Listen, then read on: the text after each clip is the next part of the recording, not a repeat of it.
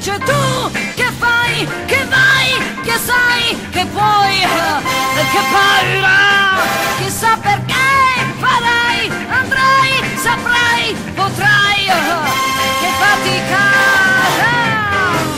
è colpa solamente di questa incompatibilità.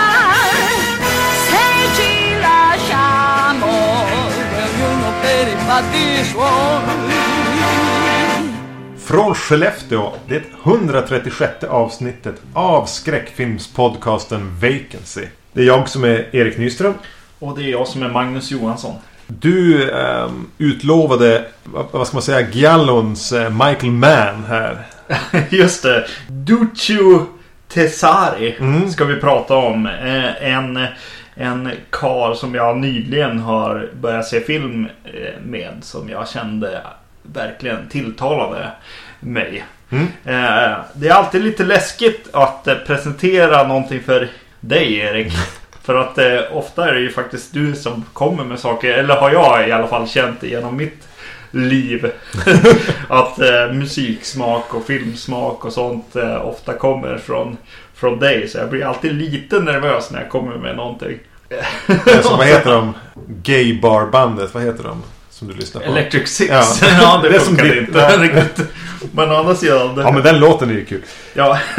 Ehm, ja men jag... Eh, Duccio Tesari, jag gjorde någon snabb, slapp research. Han verkar ha gjort precis som de flesta italienska regissörer som jobbade på 60, 70 och en bit in på 80-talet. Det mesta. Mm. Lite giallos, lite snutfilmer och en del spaghetti-western. Han är tydligen mest känd för några spaghetti-western-filmer. För jag tror inte ens vi kan säga den breda publiken. Men, men han har i alla fall gjort några sådana som är pop poppis.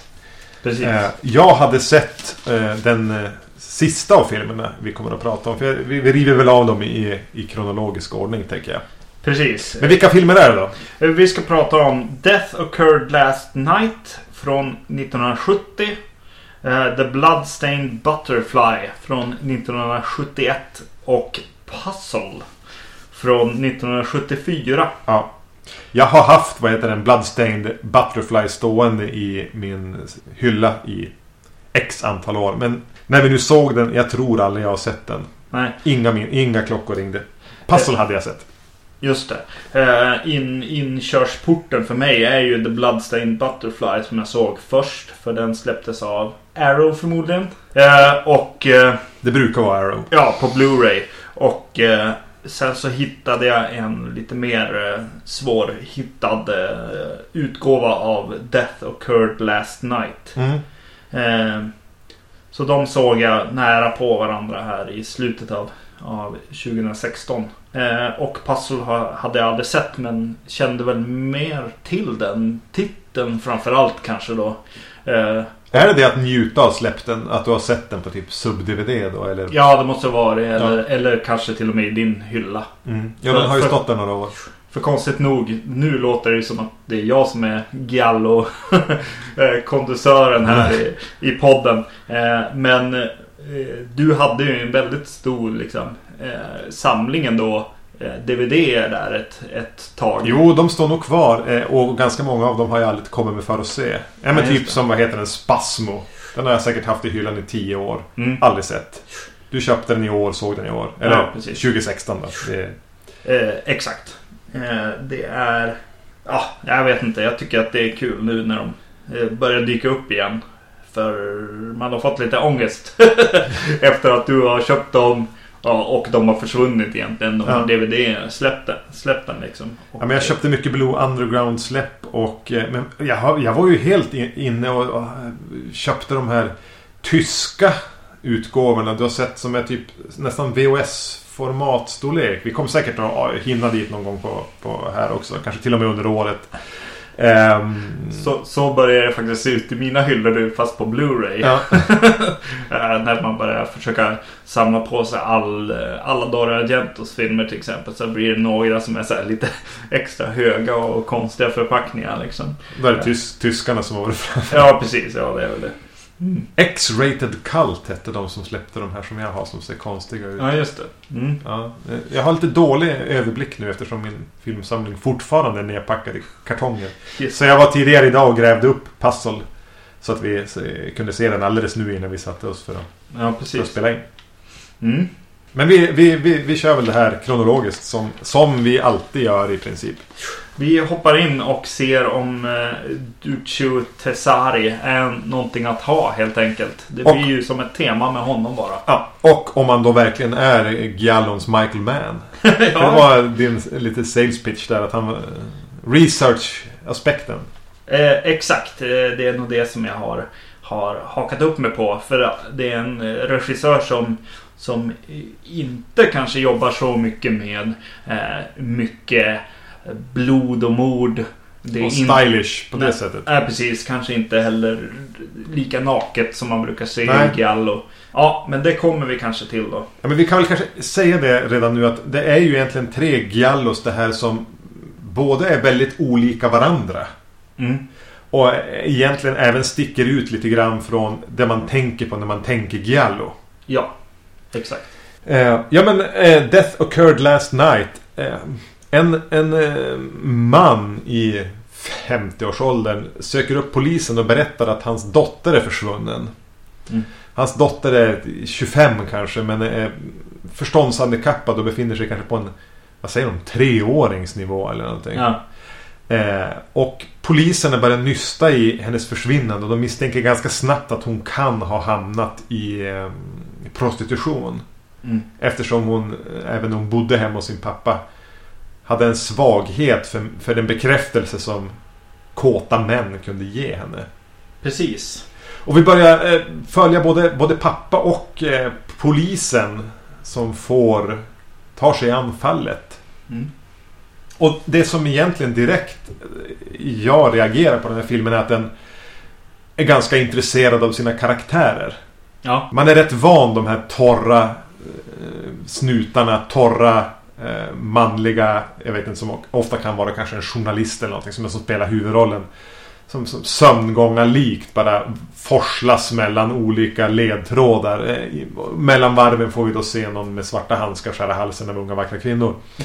Eh, nu menar jag inte det här som en sågning av Giallo-genren. Men man är van, alltså att karaktärerna verkligen bara är pappfigurer som ska knuffas runt mellan morden, blodet, det nakna och en massa stiliserade kameraövningar.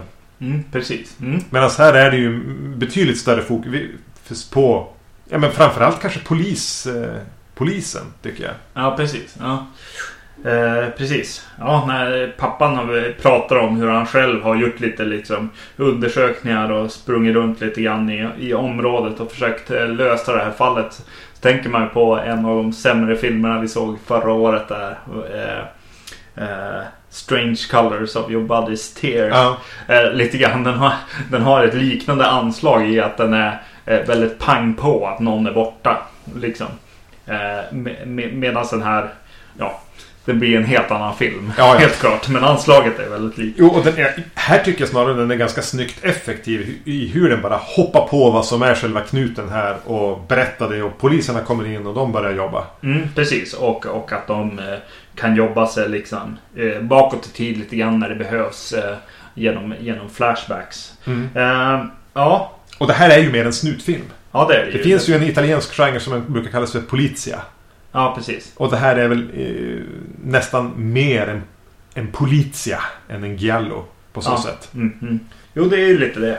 Eh, absolut. Eh, med, med en, en titel, en så pass lång titel så börjar man ju Börjar man ju tänka Giallo direkt liksom. Ja, de ju lite ha grann. de här med. Eh, och, och det känns som att den är lite insåld eh, som en Giallo både hos tittarna och kanske även eh, eh, Det heter inte förläggare utan eh, Distributörer. Ja, precis. Exakt. Så det är lite, lite eh, både och här.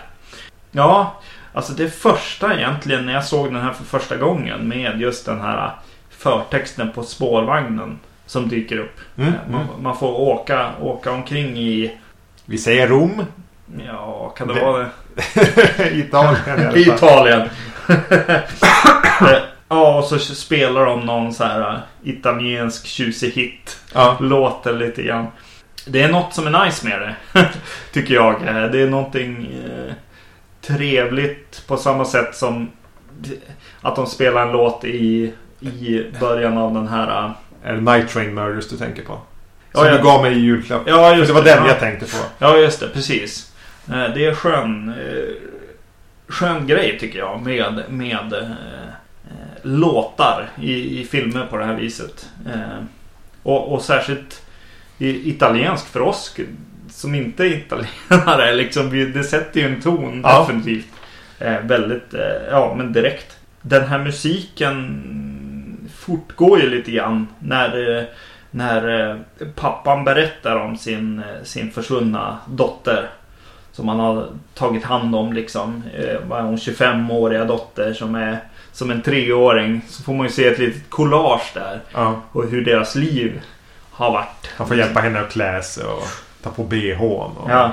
Och då spelas ju en liten poplåt liksom. Mm. Som, som så här, Men är lite fattigare. Fartigare, lite liksom, lite riv. Det är som en rivig eh, kvinna som sjunger den här eh, Mm. låten. Eh, som, eh, som definitivt blir liksom ledmotivet på något sätt. Eller någonting man, det man blir- tar med sig efter blir ju- filmen. Dotterns theme framförallt. Mm, mm. Och hon är ju The McGuffin här. Hon är ju försvunnen. Vad har hänt med henne? Ja, precis. Och de återanvänder den ju sen i filmen till ganska, ganska effektivt. Mhm. Eh, Så definitivt användandet av, av sån här typ av musik är, väl, är väldigt bra i filmen. Det som slår en också, alltså italiensk film, det är svårt att säga någonting om fotot. Det är ofta, ofta bra. Eh, I den här är det ganska... Det, det är som blekt Ja, nästan. allting är ju väldigt mycket dagsljus. Nästan ly, alltså, lysrörsbelysning. Mm. Eh, vilket ger den en väldigt specifik stil. Och är kanske en av av liksom de här lilla små fröna av Michael Mann som jag får lite grann. Att det är liksom naturligt ljus eller att det är liksom... Ja men det är ju inte det stiliserade fotot som man är ganska van från Argentos eller Sergio Martino eller någonting där um, ljussättningen är minutiös. Utan här känns det ganska naturligt och väldigt ljust. Mm, precis. Och, eh, men ändå liksom stilistiskt och, och, och snyggt tycker jag. Ja, ja, det är ju väldigt så här, kompetent. Alltså, det är ju ganska mycket handhållet. Kameran liksom Mm. åker runt på ett, på ett väldigt säkert sätt. Den är, den är få, film, få italienska filmer som jag har sett från 60-70-talet går det att kritisera fotot. Nej. Jag tänker även på ja, den vi pratade om då. Som vi kanske var ganska kritiska till. Night Train Murders. Mm. Eh, var ju lite grann på samma sätt. Så bara, ja, men, det går inte att kritisera fotot här. Mm. Eh, och här är även klippningen måste jag säga. Eh, eh, alltså, den har ett jävla driv. Ja. Hela tiden en framåtrörelse. Även om det är polisen som sitter hemma typ och spelar gitarr med sin, med sin sambo. Mm. Spelad av, visst är det, det är Eva Renzi från Brother with the Crystal Plumage. ja, precis. Mm. Eh, och, och pratar liksom om det tröttsamma polisarbetet. Eh, och så snabbt hamnar vi i hans kollega som är ute och gör något lite halv undercover jobb. Och eh, Mm. så här, spö upp någon hallick eller någonting. Och, eller pappan som gör sitt. Eller de träffas allihop och förhör någon vidare. Den, den har ett ruggigt tempo. Ja.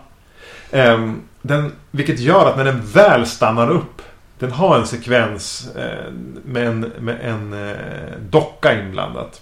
Ska inte spoila så mycket här. Mm. Då den verkligen bara drar i handbromsen, stannar upp och låter egentligen känslorna komma fram för första gången här. Ja. Då blir det ganska effektfullt. Att nu andas filmen. Nu, känn, nu stannar de här personerna upp och känner Mm. efter.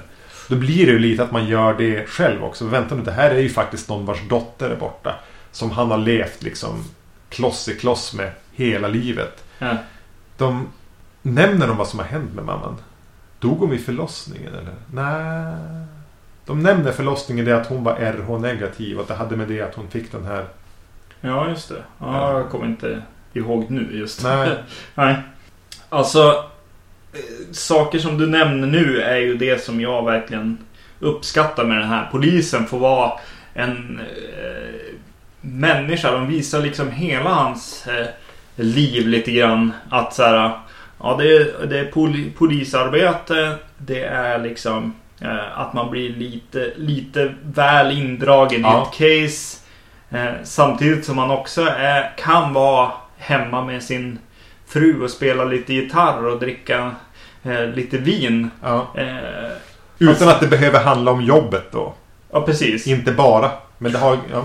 Ja, jag, jag, jag tänker på Rogue One och, och filmer som görs nu för tiden. När allt sånt liksom bara s- skippas förbi för nästa actionsekvens eller så. Och så, och så får man hoppas i slutändan att, att någon kanske har fått några känslor för någon, någon person överhuvudtaget. Men, men den här filmen ändå tar sig ju tid för karaktärerna. Och visar, likt Michael Mann, att det finns annat utanför jobbet för en, en, en snut till exempel. Och, och, och likt en Michael Mann-film så kanske det, den gränsen börjar liksom suddas ut och, och, och dras lite väl eh, långt in här när, när liksom filmen dras in i, i de här prostitutionsvärlden. eh, liksom, världen. Eh, som som eh, påminner liksom både om Michael Mann och som Tightrope. Eh, Ja. Tänkte jag lite grann på eh, just den här. Han är inte lika vidrig som Clintan ändå. Nej, Clintan nej. ligger ju med alla. Jo precis, men han har ju en kollega där som, som eh, tycker, eller som, som ju är singel. Ja, den Eh. yngre killen. Ja precis, och, och kan, kan ta, Ta en för laget. ta en för laget lite. Han är ju bra. Han som spelar snuten. Ja, Frank Wolf. Det namnet. Wolf. Han heter inte det va? Nej, det vet jag inte. Är, han är amerikan, så jag vet inte om han kanske heter det. Ja, Eh, nu måste jag då fylla min funktion här på podden genom att berätta att året efter den här, alltså 1971, så tog han livet av sig på ett hotellrum. mhm. Så hans karriär blev inte så lång. Men han är, han är skitbra här. Ja, jo, definitivt. Jag gillar det här med, med den unga och den äldre snuten och hur de arbetar och så. Men det tar sig även tid att visa att, att vara polis är ganska mycket ett skitjobb. Ja, jo. Det är ganska mycket tröttsamma saker som du har gjort tusen gånger förr. Som du måste göra för att följa någon form av så här, eh, styrdokument. Eh, som ju i alla fall för mig är ganska lätt att relatera till. Mm. Någon, någonting som, alltså, jag ser ju den här för andra gången. Ja, jo, nej, det här var ju första gången jag ser den. Och framförallt ur, ur perspektivet, varför sa jag Michael Mann överhuvudtaget? Och eh, en, en, en väldigt tydlig sån är ju att, att de, de faktiskt tar sig tid att eh, se, alltså att prata om den här prostitutionsvärlden. Mm. Men också om polisarbete och hur funkar det och, och an, lite undercover-grejer och sånt. Alltså, ja men alltså de tar sig tid för eh, vad jag brukar ka- säga researchen så Ja. att säga i den här filmen. Eh, men när jag väl börjar titta på den så är det ju också liksom det är ganska mycket handhållet foto i den. Det Ja. finns, finns eh, ja men just någon slags realism kanske i, i vissa förhållanden och scener. Att, att det, det får komma någon scen som egentligen kanske inte för historien framåt men men eh, Men den för karaktärerna får en liten bredd. jo precis, jo absolut. Någonting bara slår mig nu på tal om Michael Mann. Eh, för jag har ju, jag är väl inte ett lika stort Michael Mann-fan som du är. Eller kanske har varit. Nej. Eh, och jag har ju ofta fastnat i hans filmer på när han ska försöka eh, skildra kanske kärlek eller folk som träffas. Men fungerar inte bättre i hans filmer att skildra mänskliga relationer om personerna i fråga redan känner varandra.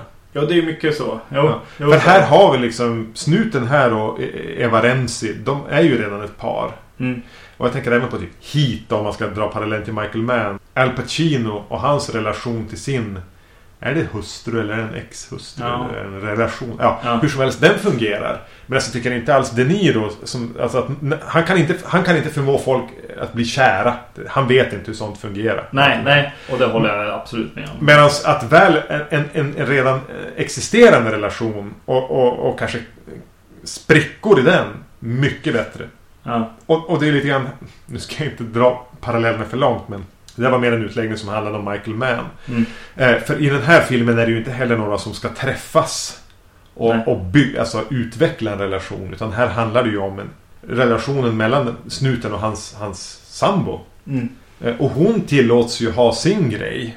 Vad är hon, fotograf eller någonting? De ge- ger till och med det lite spelrum. Att hon har ju också ett liv. Hon har Ja. också en karriär vid sidan av. Som också är viktig. Ja. Eh, Den fungerar ju skitbra. Ja, absolut. För vi behöver aldrig se gnistan mellan dem. Nej, Vi kan nej. bara se det här vardagliga. Ja, precis. Och när han eh, tar hem jobbet och deras liksom eh, relation visar sig vara otroligt liksom stark och förstående mot varandra och hennes liksom del i den här de, tar- de tar hem en prostituerad helt enkelt som får bo där och gömma sig ett tag liksom. Ja, Och- ja det är ju lite märkligt. Ja, det är ju en, en, en sak som borde liksom spräcka någonting Mm. eller bli, bli eh, jobbigt och det blir det på ett sätt men ja, de är ett team verkligen. Ja. Eh, det här paret och, och eh, att den här prostituerade och, och frun får en, en Ja, ganska får- lång scen tillsammans eh, vid ett tillfälle i filmen. De känns får möjligheten att bygga en egen relation också. Det, det känns ju eh, riktigt bra för mig. och... Eh, Ja, men på något sätt ger ju det en känsla av att det här kan ha hänt förr. mm, Alltså att det är inte första gången han tar hem jobbet i det att han tar hem någon han har träffat i jobbet som den här personen behöver någonstans att sova i natt. Eller den här personen måste gömma sig några dagar. Och hon är lite, är inte överförtjust men, men på något sätt som du säger, de är ett team och de är på något sätt i- gått med på det här för att de ska kunna ha den här relationen. mm. en till Michael Mann-scen egentligen. Eh, i, I senaste, sena, alltså klimaxet eller vad man ska säga i senaste Michael Mann-rullen, vad heter den? Black Hat. Ja, den är... Där, där det börjar eh, strömma liksom folk ur, ur något så här ställe och det händer någon slags actionsekvens i ett folkhav. Ja. som kommer strömmande och går åt, åt ett håll. Liksom en stor, stor grupp människor. Börjar jag tänka på här att så här, eh, de, de är och ska göra polisarbete eh, vid en arena som Just helt det. plötsligt eh, börjar tömmas. ja, matchen är slut. Ja, och man börjar se folk komma och det blir så här, oj, det här är för mycket eh, för, för poliserna. Det är för mycket människor att hålla koll på. Eh, och för mycket folk att se. Den, den sekvensen är ändå ganska stor Mm. i den här filmen och... eh, och Ja, för det är en väldigt Ja, liten gillar- film egentligen. ja, precis. Att den, att den dyker upp trodde man inte. Särskilt när den bara bör, börjar på en parkering och det är några människor där. Eh, man tänker bara att det ska komma en till människa. Mm. Men sen så bara strömmar det förbi en hel arena med människor. Eh, ja, jag gillar, gillar det väldigt mycket. Också den sekvensen. Och så sen... Och så vart den tar vägen. Jag, ja, på något sätt så tycker jag verkligen om den här, Mm. den här filmen. Ja, jag tyckte den var robust Ja. på något vis. Alltså, och eh, kändes lite fräsch eh, i, i genren. Ja. Även om den här kom i starten av genren. Men alltså den här hör väl kanske inte 100% till giallo-genren heller. Men om man ska se det som det så är det ju en trevlig inlaga i det. Och kanske ett kvitto på att italienarna kunde göra i princip allt och göra det rätt bra på 70-talet. De var definitivt egentligen i, i paritet med de snutfilmer man har sett från Hollywood som har mycket högre status. Ja. Så borde ju den här kunna nämnas ändå som en stabil film i sammanhanget. Mm. Så precis på samma sätt som egentligen Dario Argento kommer in och, eh, och definierar den med Bird with Cl- Crystal Plumage på sitt sätt liksom. Ja. Och, eh, och folk börjar liksom följa honom när han egentligen tog något slags sidospår och, och gjorde det kanske ännu mer blodigt och stilistiskt än vad det Mm. hade varit liksom. Så, så känns det som den här filmen också är så här lite beställd giallo-film. Men regissören, eller någon i alla fall. Ja men regissören ska jag säga efter de andra filmerna. Mm. Den, han, han säger Fuck it, vi, vi, vi gör en eh, Tesari-film av det här. Och det är därför jag, jag känner att jag, jag, jag fick som en ny eh, hittade en ny italiensk regissör Mm. som jag eh, uppskattar.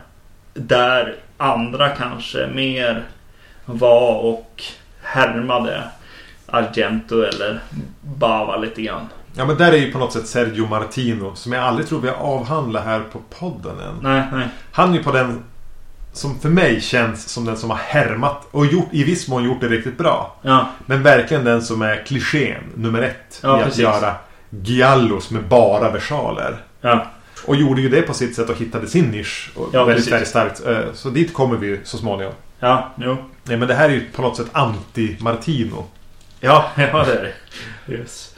Ja, Bloodstained uh, blutter, Blutterfly. Bloodstained Butterfly. Jag- var på väg att säga Shadow för det är också någon giallos. Ja, det finns också en. Bloodstained Butterfly. Lite så här eh, titeln här eh, om Death Occurred Last Night är liksom lite så här giallo-doften så är ju det här en, en så här giallo generator titel. Ja, precis. Det ska gärna vara ett, ett djur i titeln också. Det här är, har ju med Dario Argentos framgång. Mm. Ja men The Bird with the Crystal Plumage. Ja, precis. Mm. Och då kanske få in det här med att det finns ett hot eller eh, död eller våld med Ja. blood. Mm.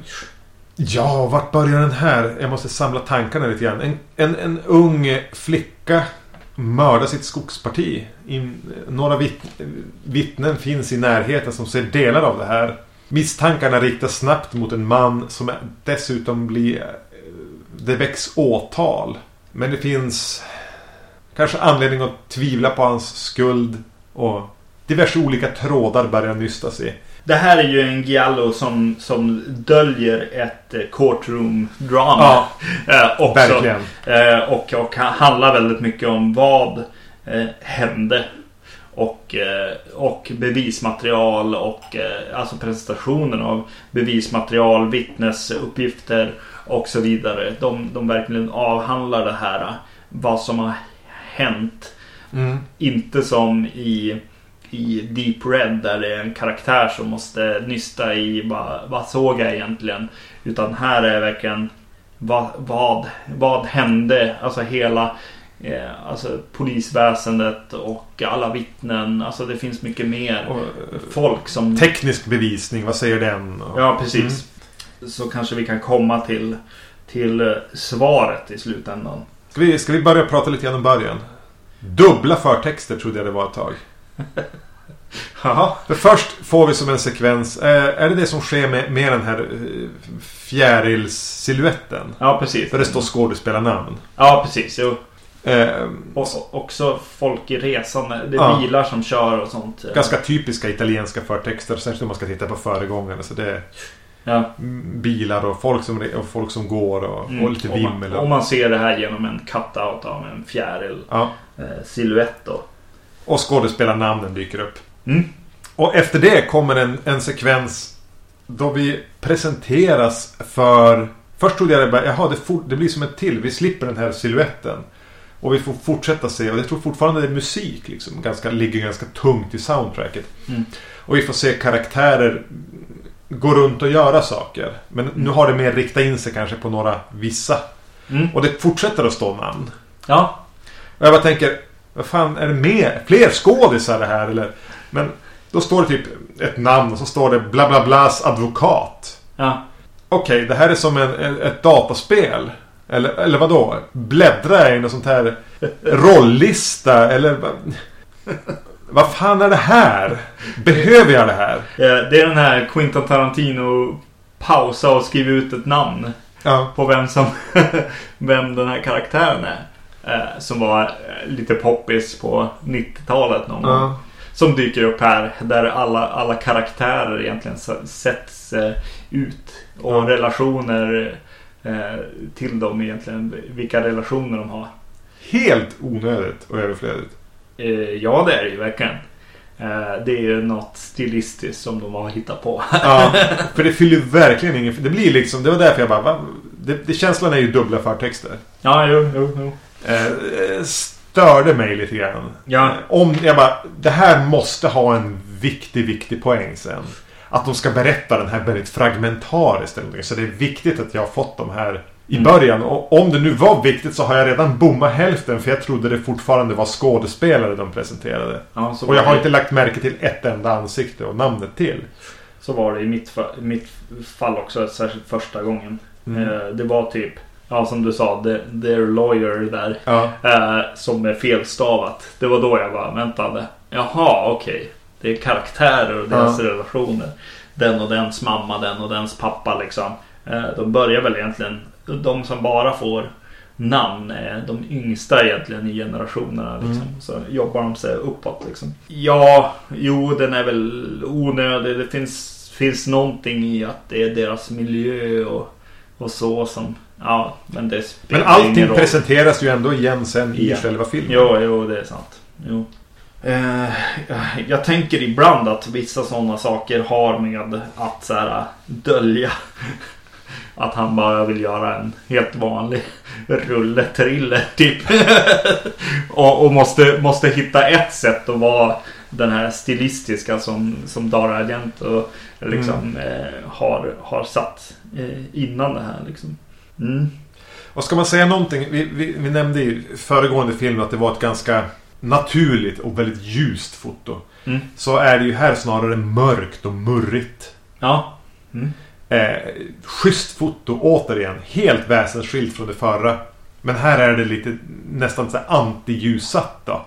Återigen inte speciellt stiliserat och stilistiskt. Utan snarare så här underljussatt på ett schysst sätt. Mm. Jag gillade fotot även. Men återigen, som sagt. Italienare kan inte fota en film fult. Eller kunde inte. Nu fotar de allt fult. ja, men om man eh, tittar på Argentos filmer han har gjort sedan typ 2000 och framåt så ser ju allt ut som Morden i Midsommar. Ja, precis. Eh, Men, men. Mm.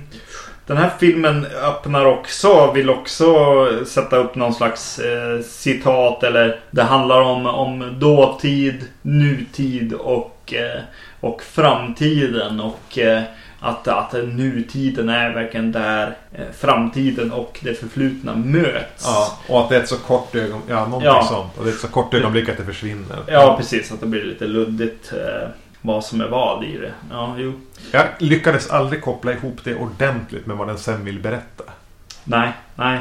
Förutom, Men- att, förutom att den gör, eh, ger eh, frihet till klippningen att Ja. vara lite så här eh, hoppa tillbaks framförallt då i tiden. Den går ju egentligen inte fram egentligen förutom att, att man eh, att det ligger på tittaren att, att, att försöka lösa det här eh, fallet. De, det kanske är ett sätt att låta tittaren fortfarande vara lite nyfiken för den är ganska straight forward med bevisning och annat så här. Så att man bara, ja men okej, så här ligger det till. Mm. Men, man, men kanske att den här texten säger, ligger det till så här? Jag vet inte riktigt liksom. Eh, snälla följ med i framtiden lite grann kanske den säger. Ja, jag vet inte. Mm. Ja, vi, vi, vi kommer ju in där i, i mordet då. Och mördarens flyktväg och, och lite vittnen pr- presenteras. Eh, jag gillar den eh, sekvensen. Den är väldigt så här.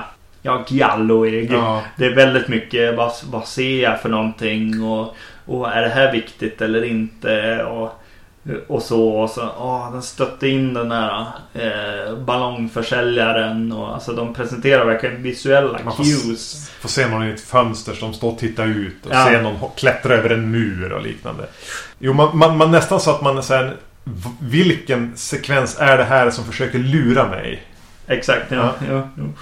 Och sen kommer vi ju till, alltså, ja, till alltså, den mest Michael Manniga i hans eh, karriär tycker jag.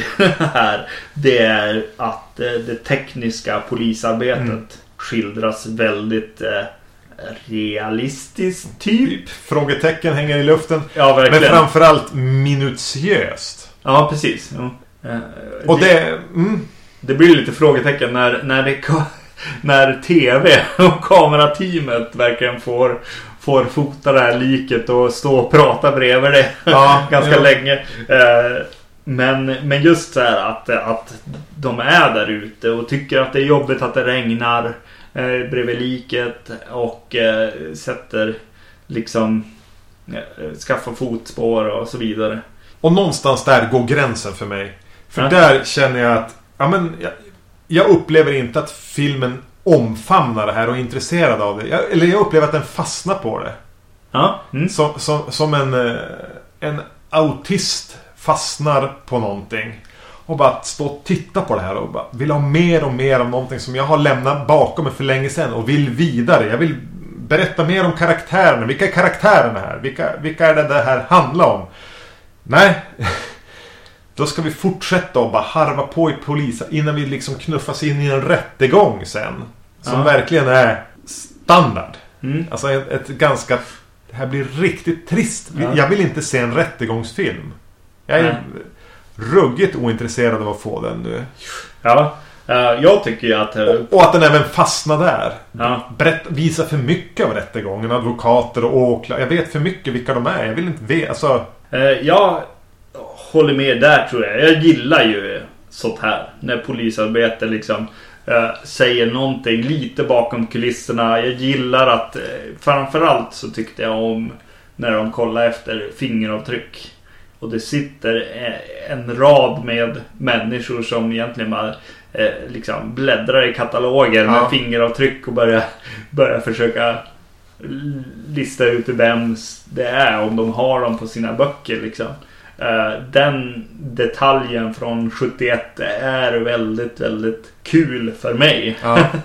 Eh, ja, jag kan förstå. Jag, jag, jag tror att jag kommer från, från så här. Det här var första av hans filmer som jag såg. Och att man, att man gör ganska mycket giallo. Eh, standard giallo liksom. Flyktvägen, vad ska jag se? Vad, Mm. vad ska jag komma ihåg från början av filmen? Allting det. Och så sen att bara Nej, nu gör vi helt ett vanligt polisarbete.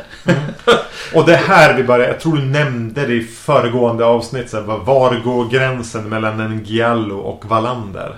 Ja, precis. Jo. jo och här jo. är den ganska långt inne i Kurt Wallanders vardagsrum. Ja, och eh, courtroom-scenerna håller jag ju verkligen med om. Och det var där jag började bli mest nervös när, Ja. när jag satt och såg det med dig nu. Syntes det i min blick? Jag Nej, men, nej, men jag bara där. kände, kände att eh, det här kanske inte är så intressant för folk. Och jag, jag tycker att de har någon slags poäng, men de kunde komma dit mycket snabbare. Ja, absolut, om jag håller med.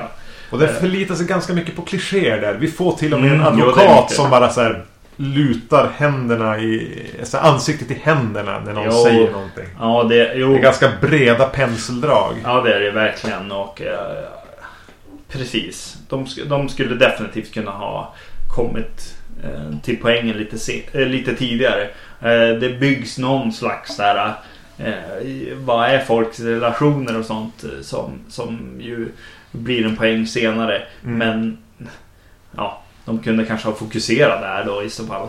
Eh, om det var det de var ute efter. Eh, men ja, precis. Tydliga, tydliga bevis och någon slags vad är deras rela, vad är folks relationer till varandra? Lite mer blickar, kanske snabbare liksom komma till, till poängen på något sätt. Eh, där, där den här deras advokat kanske har olika mästare eller olika saker att tänka på helt enkelt. Eh, eh, då han kanske är intresserad lite av Av den åtalades fru. Mm, mm. Han har ingenting emot om hans klient skulle hamna i finkan egentligen. Nej, precis. Det är nog ingen spoiler. Ehm, för det... När hade, vi, hade, vi såg de här back to back. Alltså det var inte många minuter mellan att eh, eftertexterna rullade i föregående till att vi slog igång den här. Det var att jag bara, jag gillade ju verkligen det här att få lite mer kött på karaktärerna. Jag tänkte att ja, men det kanske är det som är Tesaris. Nu ska jag få lite... Nu slipper jag så Franco Nero eh, blanka karaktärer. Mm. Men här är det ju inga karaktärer.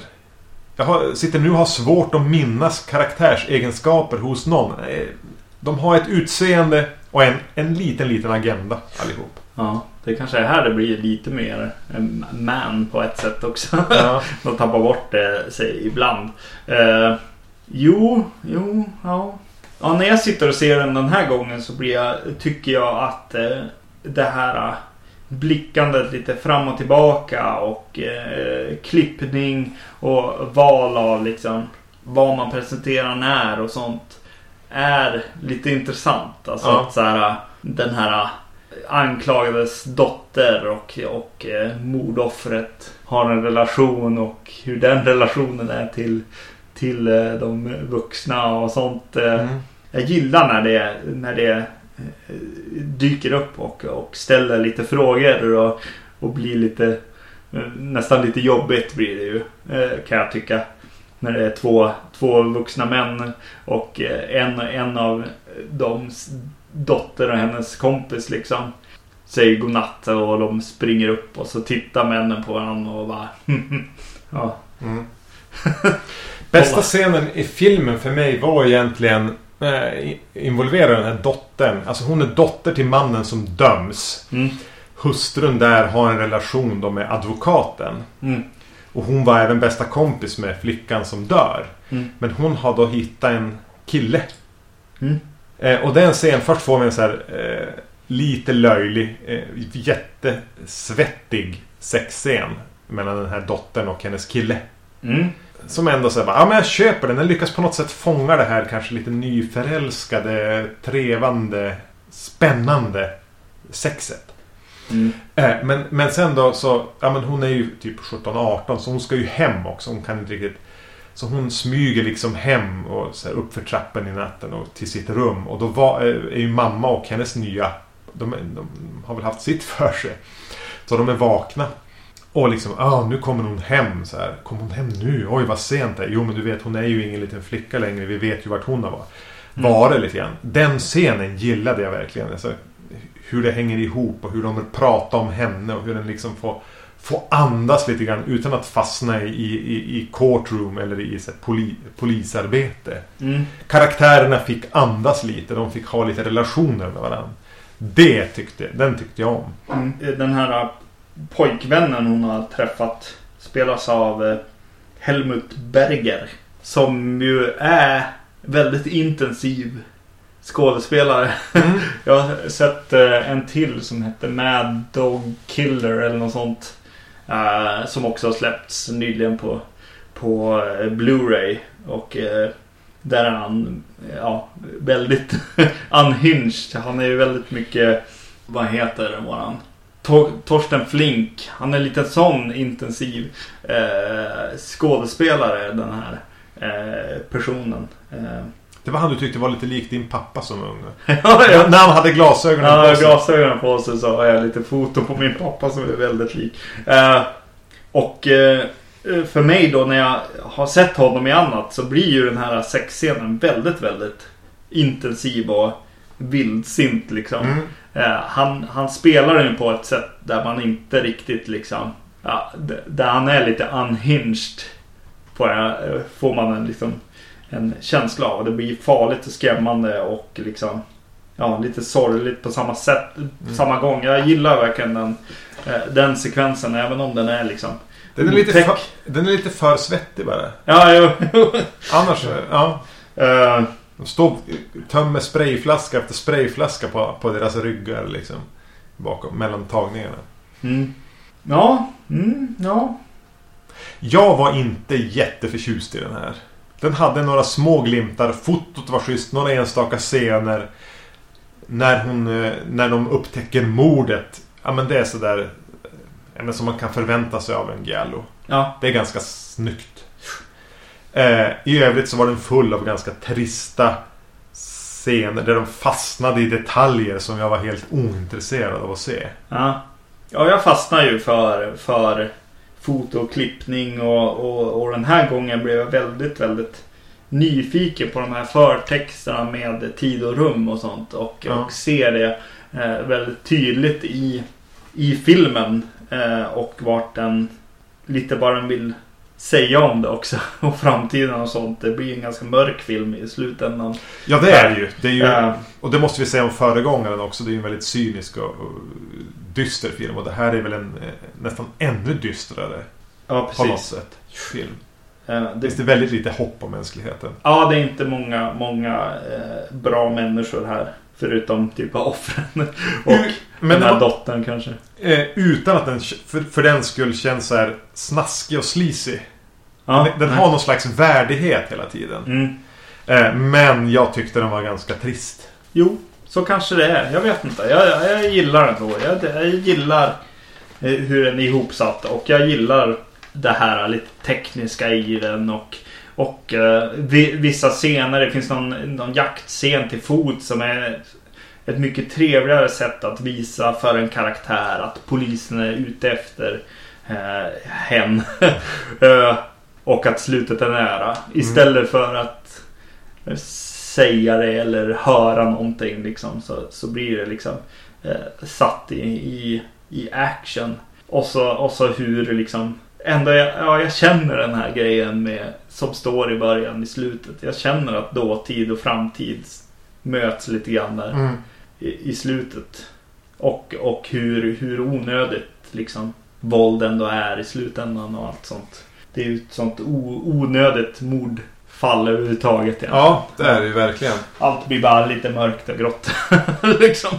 Kanske att den hade behövt mm, för mig vrida om tid, sättet den disponerar sin tid från alltså de här CSI för barn avsnittdelarna och det här rättegångsdramat till att ja, men ge mig dem i större utsträckning karaktärer att bry mig om. Mm, mm, mm. Ja, vi går vidare till Puzzle från 1974. Eh, fortfarande Tessari.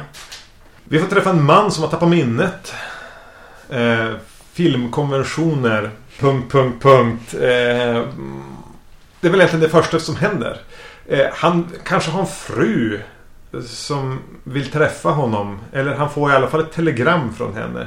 Men hon verkar vara helt eh, omedveten om att han ens ska dyka upp. Så det finns figurer som rör sig i bakgrunden farliga och kanske till och med mäktiga sådana. Eh, Medan han försöker få fatt i sitt minne med hjälp av sin hustru slash flickvän.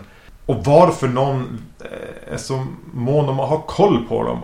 Eh, handlar det om pengar? Vad har han egentligen gjort innan han tappade sitt minne? Den, den typen av film är det. Mm. Det är ju ingen ny idé heller. Alltså, Amnesia Crime Thriller. Mm. Och även här börjar man väl säga att det här är ingen klassisk Giallo. Nej. Eh, det här eh, drar väl snarare åt Hitchcock. Ja, Hitchcock eller alltså en kriminal, krimi eller vad de kallas för i Italien. Att, att det handlar om folk i eh, den kriminella kretsar liksom. Ja. Precis, med, med en, en, en stor liksom ändå Giallo. Alltså det känns som att det är beställt en Gallo igen tycker jag. Ändå att man känner av. Men att han har gjort eh, en, en, en, lite egen film. Som har med de här kriminalitetsfilmerna. Mm. som Italien också gjorde.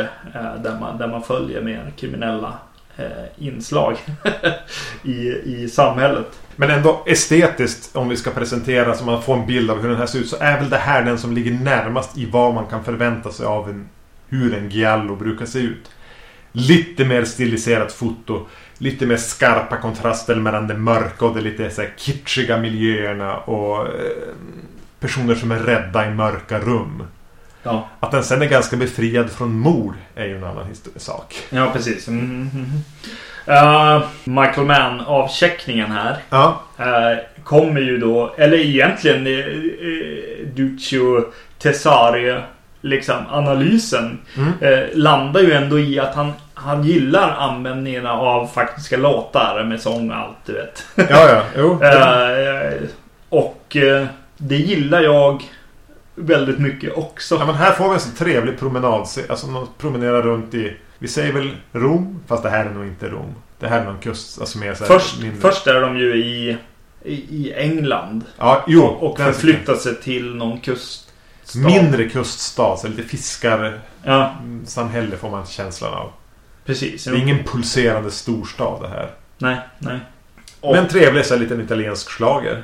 Ja, precis. Ja. Uh, det är nice. Ja. Uh, folk, väldigt tidigt så börjar han ju inse att, att folk är ute efter honom. Den första personen han, han träffar från sitt uh, förra liv kommer egentligen av hans läkare som ja. introducerar han till, till gamla vänner så att säga. Eh, som visar sig vara ute efter honom och vill skjuta honom.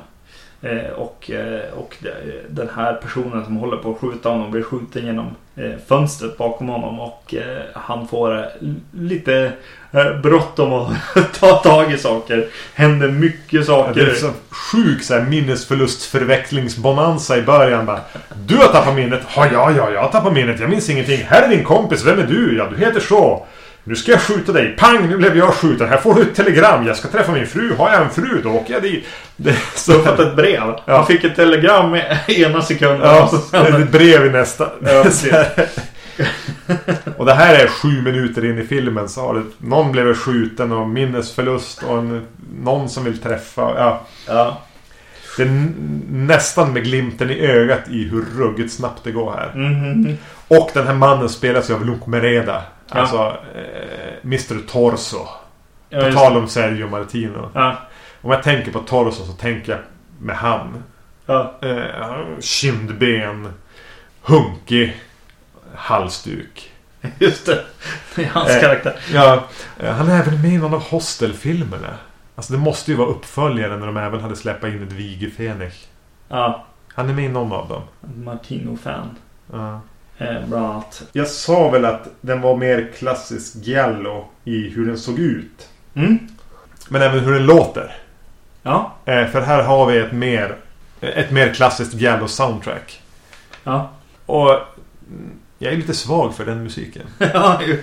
Det är verkligen, skulle kunna vara vilken Martina-film som helst. Det är inte det här Goblin-proggiga, men alltså någon liten kör och något litet repetitivt nästan speldos eh, theme som, som stökar på där. Mm.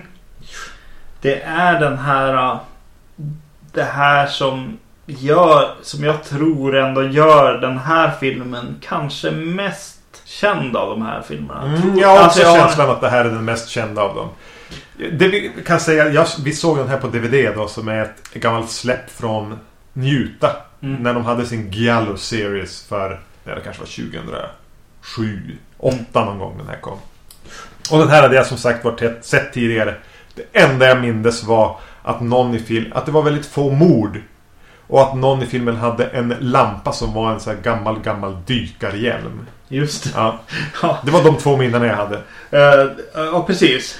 Och det händer ju väldigt mycket saker som, ja, som musiken och just de här lite långa. Det, är- det är en lång, ganska lång så här skräck liksom, eller spänningssekvens. Där eh, den nyligen presenterade Sarah som är hans eh, eh, fru då kanske. Ja. I, i hennes hus eh, och hon, hon går runt och hennes hund eh, blir utelåst och, och ja men det händer mycket saker och hon blir överfallen. Väldigt olikt de andra två Ja. filmerna vi pratar om idag.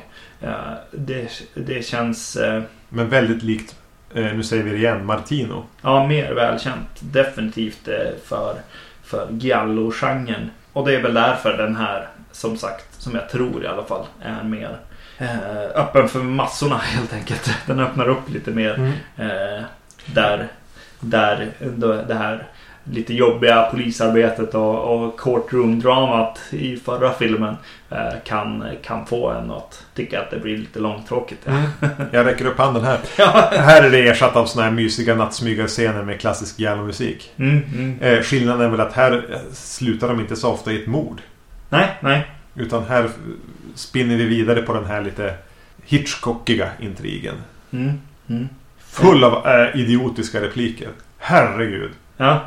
ja, jo, det blir väldigt dumt. Alla karaktärer ska hela tiden förklara vad de gör eller förklara vad de har gjort med så här korta, yxhuggna, puckade repliker. Mm, mm. Vilket väl hör lite genren till. Men jag tyckte inte någon av de två tidigare eh, var nedlusad av den här, så här förklaring, eh, så här exposition-bonanzan. Nej, precis. Nej. Att allting ska förklaras hela tiden. Vi är inte så, in, inte så intresserade av vad karaktärerna har att säga utan det är bara information som de ska bära fram till varandra. Mm. I mångt och mycket i flera scener. Det handlar om pusslet, inte om liksom dess bitar eller på. Nej, Ja. eh, ja, så är det ju verkligen. Jo, absolut. Och det blir väldigt, väldigt så här.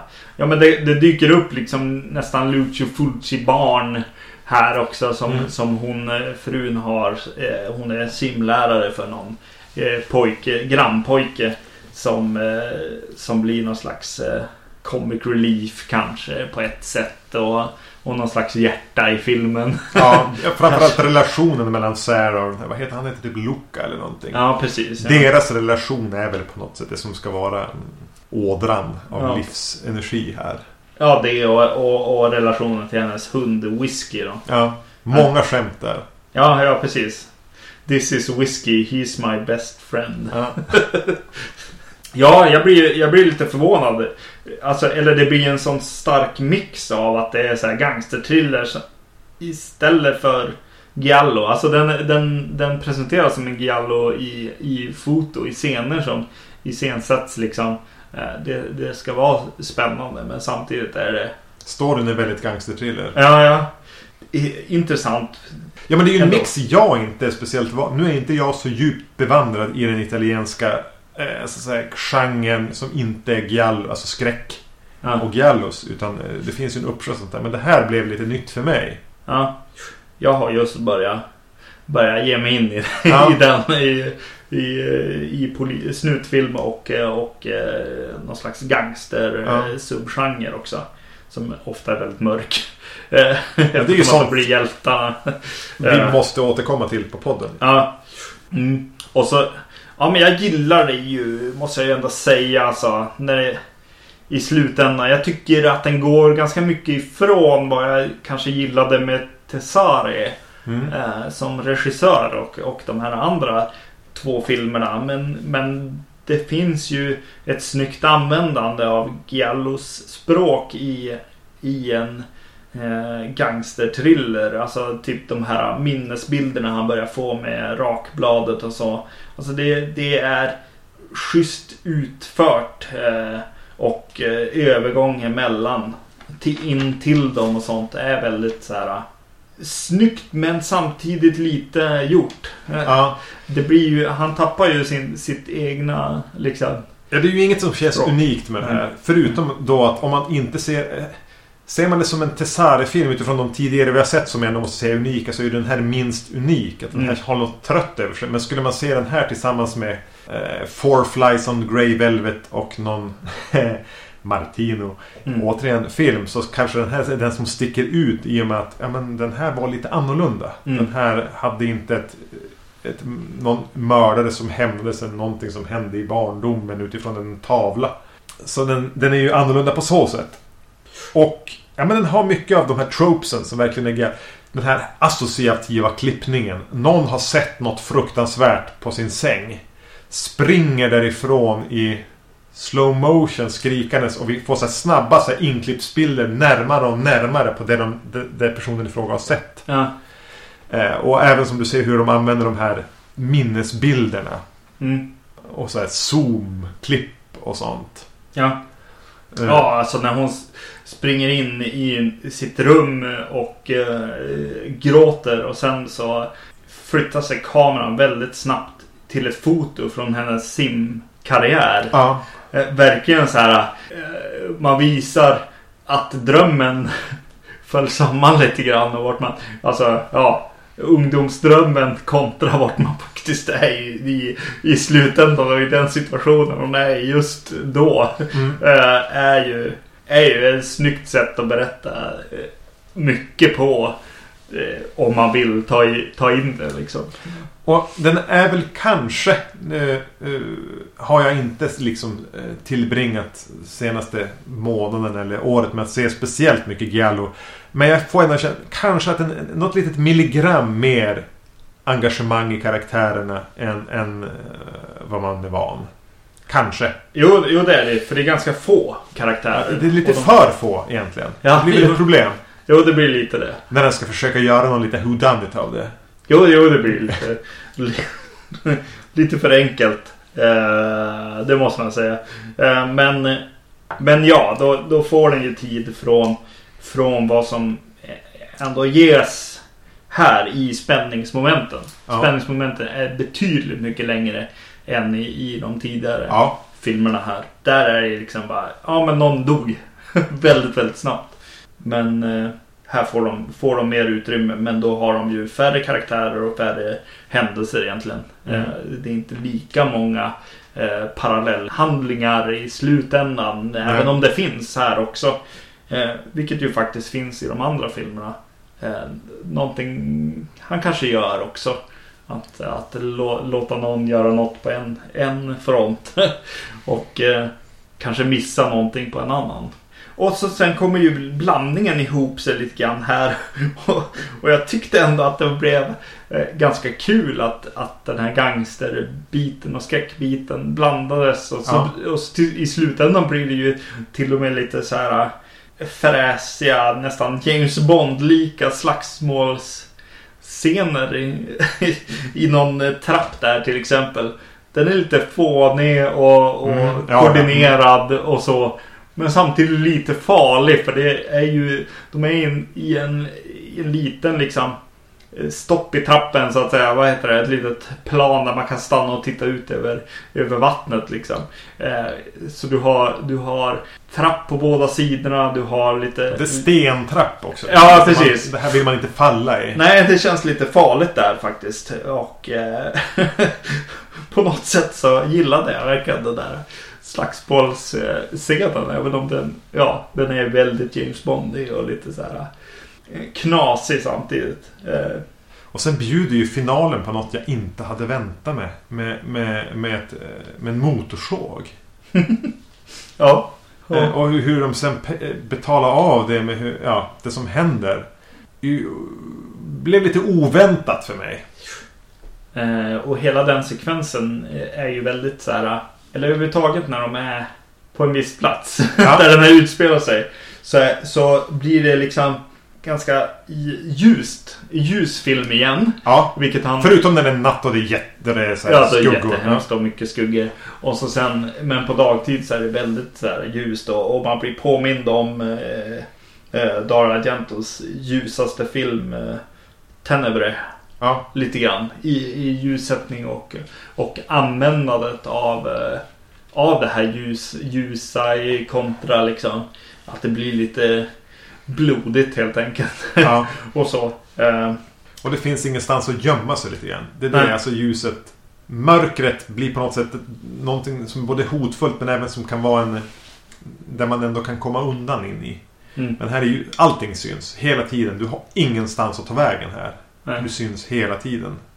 Sen blir alltid såna här äh, saker som är skrivna häftigt blir ofta lite platt och löjligt i mitt huvud. Men i slutändan måste jag ändå tycka att det är kul att de har skrivit den här äh, typ slutrepliken om att det förflutna liksom kommer tillbaka för en liten stund liksom. Ja. Eh, ja, jag, jag gillar det ändå. Alltså det är ju det som är den här filmen på något sätt. Den här eh, hur de eh, betalar av, eller på säga minnesförlusten här. Mm. Det tycker jag är lite kul alltså. Mm. Alltså Ja, på idéstadiet. pul- Pulpigt. Ja, det är pulpigt ja. Mm. Mm, jo, det är det. Duccio Tesari. Ja, precis. Vad tycker du nu då? Eh, jag gillade två av tre filmer här. Eh, jag Ja. gillade Death Occurred Last Night för att det var så en oväntad typ av film. Ja, Som gav mig ett sånt brett register och var så omedelbar och ändå kunde stanna upp vid rätt tillfällen. Och, ja, men det var en schysst film. Ja, den skulle jag vilja se igen. Mm. Jag var inte så impad av, av The Bloodstained Butterfly. Just på grund av att den fastnade på fel saker vid fel tillfällen. Jag bryr mig inte om det den, ville, den den brydde sig för mycket om. ja. Och Puzzle tyckte jag var en rätt härlig hybrid då av Ja men som vi säger gangsterfilmen och Giallon och Hitchcock och eh, Ja men lite så trams bara. Mm. Eh, det är väl kanske den lättsammaste av dem. ja. Eller kanske, det är det definitivt. De andra två är betydligt allvarligare. Mm. Jo, Och mer det- cyniska. Det här är mer bagatellen.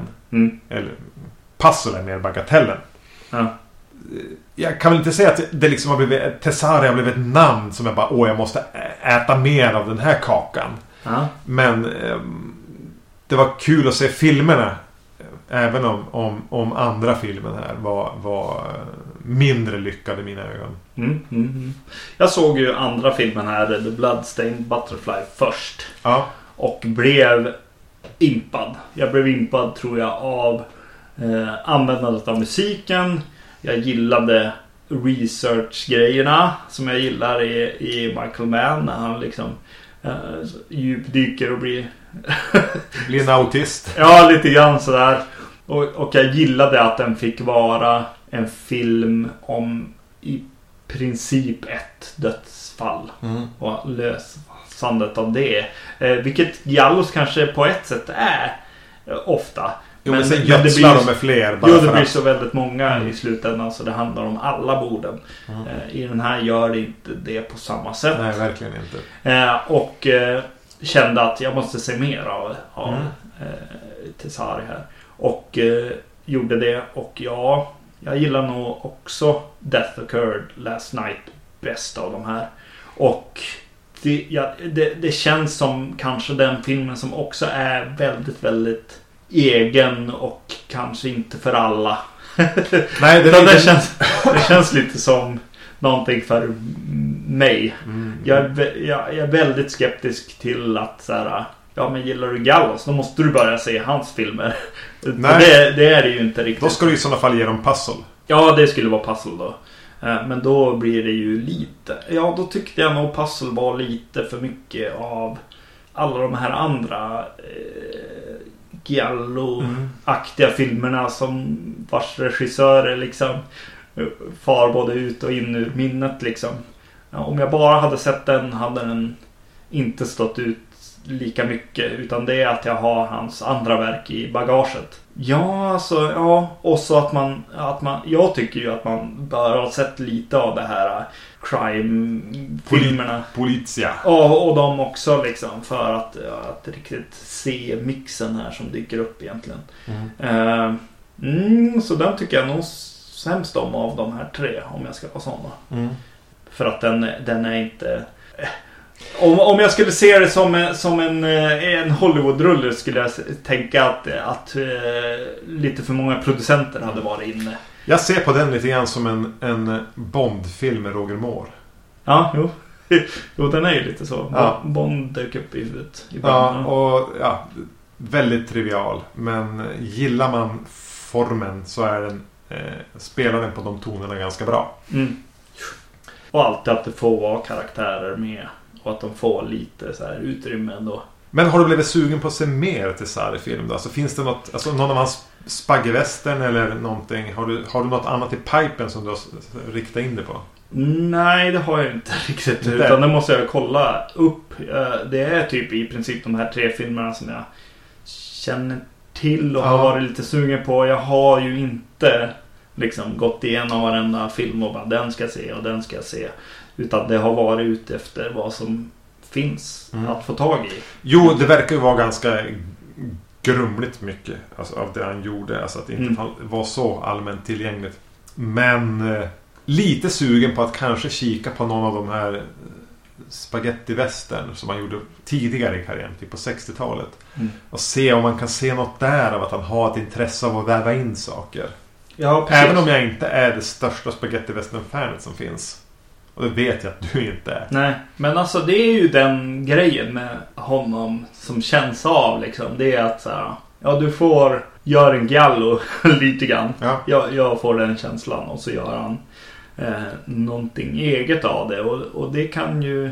Då borde det ju Ja, fungera på vad Särskilt när jag gillar hans regi och jag gillar eh, ja, vart han tar liksom, teman och annat. Mm. Eh, så det, ja, ja absolut. Jag skulle väl se mer av honom, absolut. Vi får kika på vad som finns tillgängligt. Mm. Jo. Ja, ja men eh, det var ingen plåga att ta sig igenom någon av filmerna i alla fall. Men det är ju skönt att höra. Även om vi satt uppe ruggigt sent eh, och såg eh, de två första. Det blev jag också nervös över. Han kommer Ja, och jag skulle jobba dagen på och sånt där. Men, men det var inga problem alls att stiga upp och så. Nej, jag skulle inte alls jobba. Jag skulle bara upp och ta hand om min dotter. Ja.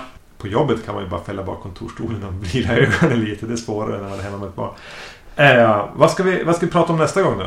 ja, vad ska vi prata om nästa gång? Jo, är det då vi börjar prata lite japanskt? Ja, vi ska, vi ska tackla eh, Ringu. Va? Va? Hör! Woho!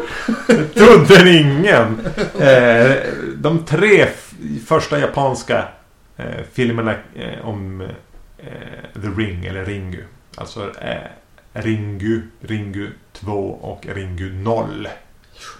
Det här är ju lite av en eh, start på någonting. Ja. Som vi kanske får anledning att återkomma till. Yes. Mm. Eh, skräckfilmsintresserade kommer säkert lista ut vart vi är på väg. Ja. Men Mm. yes. ja, Men eh, vi finns på iTunes. Där vi gillar att få höga betyg. Eh, framförallt för att vi får bättre exponering då. Vi finns på vacancy.se. Podcast at vacancy.se. Och Facebook. Det är väl kanske bästa stället att prata här för oss. ja precis. Ja men vi säger så. Ja, det gör vi. Hej! Hej.